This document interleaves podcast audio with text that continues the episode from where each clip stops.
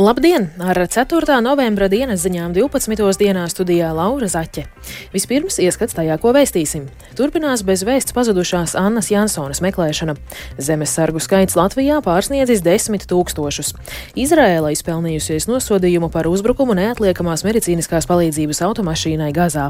Par šiem un citiem tematiem plašāk ziņu turpinājumā.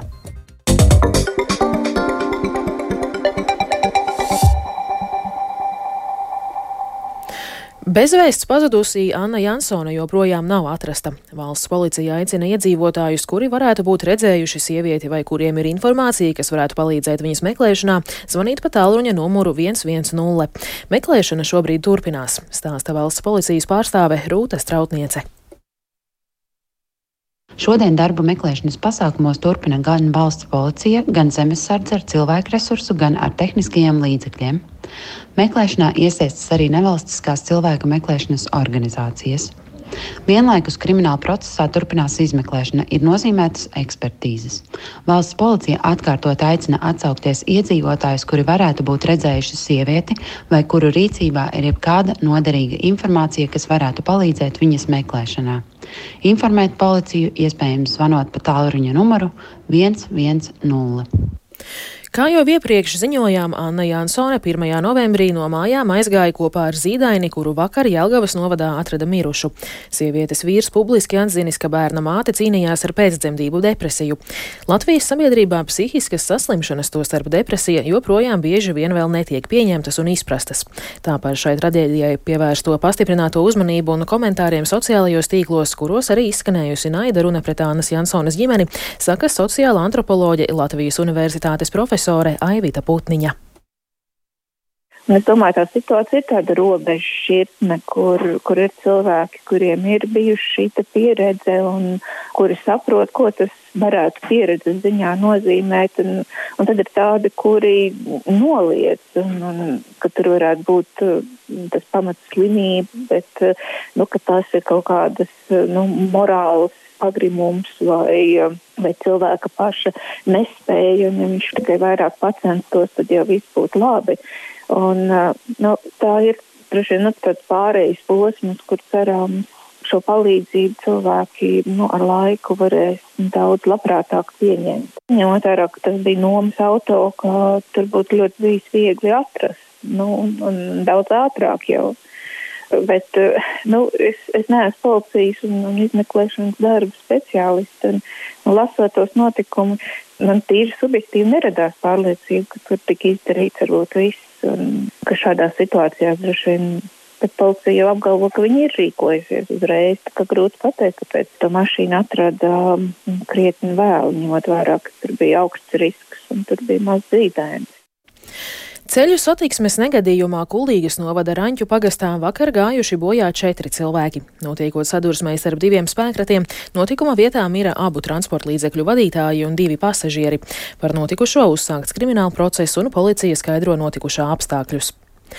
Lielākās ikgadējās zemesardes mācības nameis, kas ierasti notiek septembrī un oktobrī, ir beigušās, bet arī šajā nedēļas nogalē daudz viet Latvijā iedzīvotāji varētu redzēt zemesargus. Kā skaidro zemesardes komandieris Kaspars Pudāns, tik intensīvs zemesargu apmācību cikls saistīts ar lielo jaunu uzņemto cilvēku skaitu. Tas jau pārsniedz desmit tūkstošus. Vairāk par to ievas puķes sižetā. Kuldīgas novada Nīkrāces pagasts un Saldus novada Pampāļu pagasts ir viena no vietām, kur līdz svētdienai iedzīvotājiem var gadīties vērot zemesardzes aktivitātes. Notiek 4. kurzemes brigādes 45. kaujas nodrošinājuma bataljona plānveida mācības, lai uzturētu un pilnveidot bataljona kaujas spējas.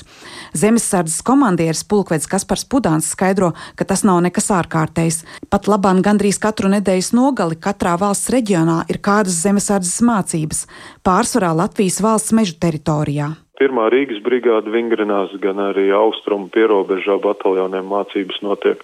Intensitāte noteikti ir pieaugusi, bet tā, pamatojums viens ir tam, ka mums ir pieaudzis arī mūsu zemesargu skaits. Kopš pagājušā gada februāra, tad Krievijas agresijas pret Ukrainu, pieteikumu skaits zemesardzē un arī uzņemto jauno zemesargu skaits ir um, trīskāršojies vai četrkārtojies attiecībā pret līdzinējiem gadiem līdz tam. Kas nozīmē, ka skaidrs mums ir vairāk jauno zemesargu, kuri jāapmāca, ir daudz vairāk bijušas pamatapmācības nometnes visos reģionos, bet īpaši tieši Rīgas apkārtnē. Kāds šobrīd ir eh, skaits zemesardzē? Zemesardzē mēs kopumā jau esam pāri desmit tūkstošiem dažādās vienībās.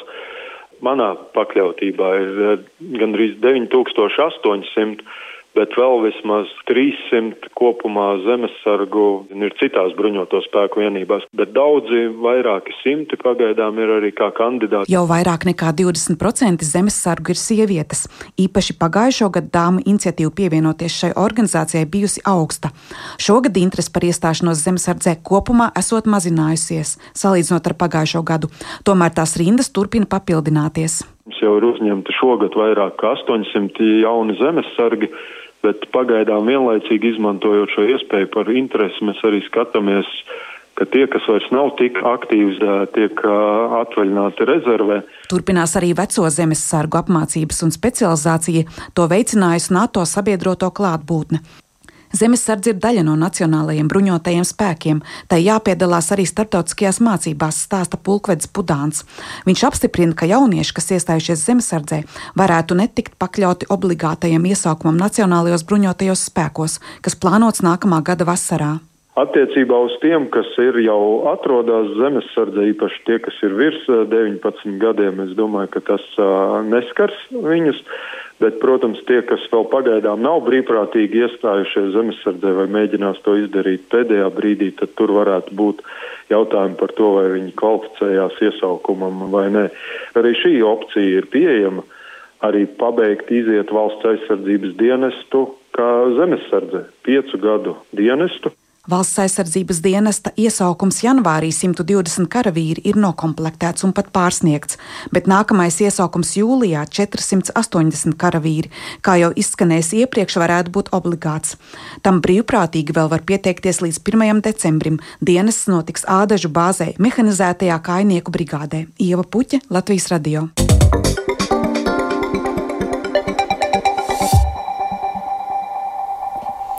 Izraēla ir saņēmusi nosodījumu par vakar veikto un avējošo uzbrukumu neatliekamās medicīniskās palīdzības automašīnai, kas atradās pie vienas no slimnīcām Gazas joslas ziemeļos.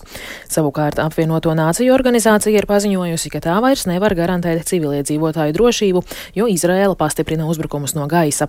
Neraugoties uz aicinājumiem ievērot humanitāro pauzi, Izraēla uzstāja, ka turpinās karu pret teroristisko grupējumu Hamas. Vairāk stāsta Uldis Česberis. Vismaz 15 cilvēkus nogalināja, bet vēl 60 ievainoja vakar notikušā raķetes uzbrukumā neatliekamās medicīniskās palīdzības automašīnai, kas atradās tikai dažus metrus no ieejas El-Šifas slimnīcā Gazas pilsētā. Ziņu aģentūru izplatītajos video un attēlos no notikuma vietas redzams, ka pie sašautās automašīnas guļ vairāki cilvēki bez dzīvības pazīmēm. Palestīnas sarkanā pusmēnesis kustība paziņoja, ka uzbrukumā ir vainojami Izraēlas spēki, kas ir aplenkuši pilsētu.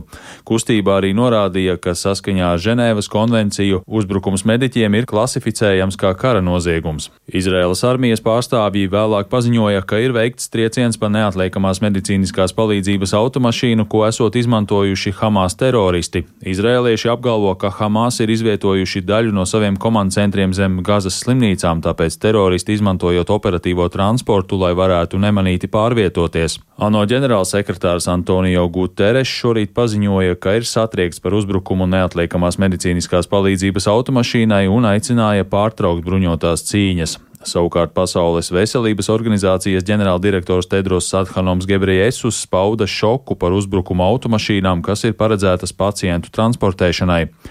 Četrās nedēļās kopš turpinās Izraēlas militārās operācijas pret Hamas, Gazas joslā ir nogalināti vairāk nekā 9200 cilvēku, bet vēl vairāk nekā 23 tūkstoši ir ievainoti. Izraēlas intensīvo aviācijas uzbrukumu dēļ visā Gazā vairs nedarbojas 16 slimnīcas, bet vēl funkcionējošās slimnīcas ir pārslogotas un tām nepietiek medikamentu. ANO palestīniešu bēgļu aģentūra vakar paziņoja, ka pašlaik Gazā vairs nav nevienas drošas vietas, jo kara darbībā ir cietušas arī aptuveni 50 ANO piedarošas ēkas, kurās patvērumu meklē tūkstošiem pārvietoto civiliedzīvotāju. Palīdzības organizācijas ārsti bez robežām bērnu intensīvās terapijas ārste Tāņa Hadža Hasana notiekošo Gazas joslā nodēvēja par cilvēku ciešanu lavīnu. Viņa aicināja starptautisko sabiedrību panākt pamieru karā starp Izrēlu un Hamas, nevis runāt par humanitārajām pauzēm.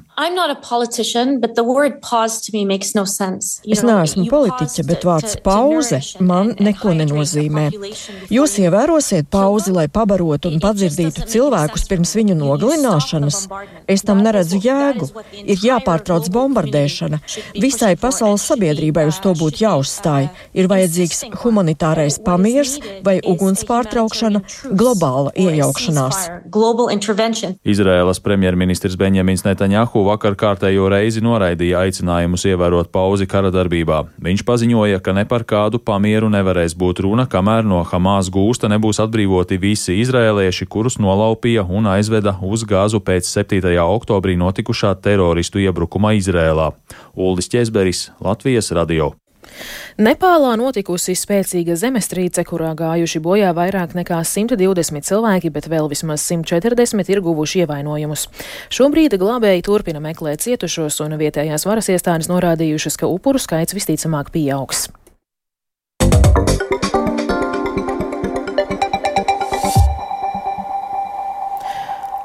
Noslēgumā par sportu. Latvijas vīriešu rokas bumbas izlase šodien izbraukumā mēģinās revanšēties Igaunijai par zaudējumu Valmierā pirmajā pasaules čempionāta kvalifikācijas mačā.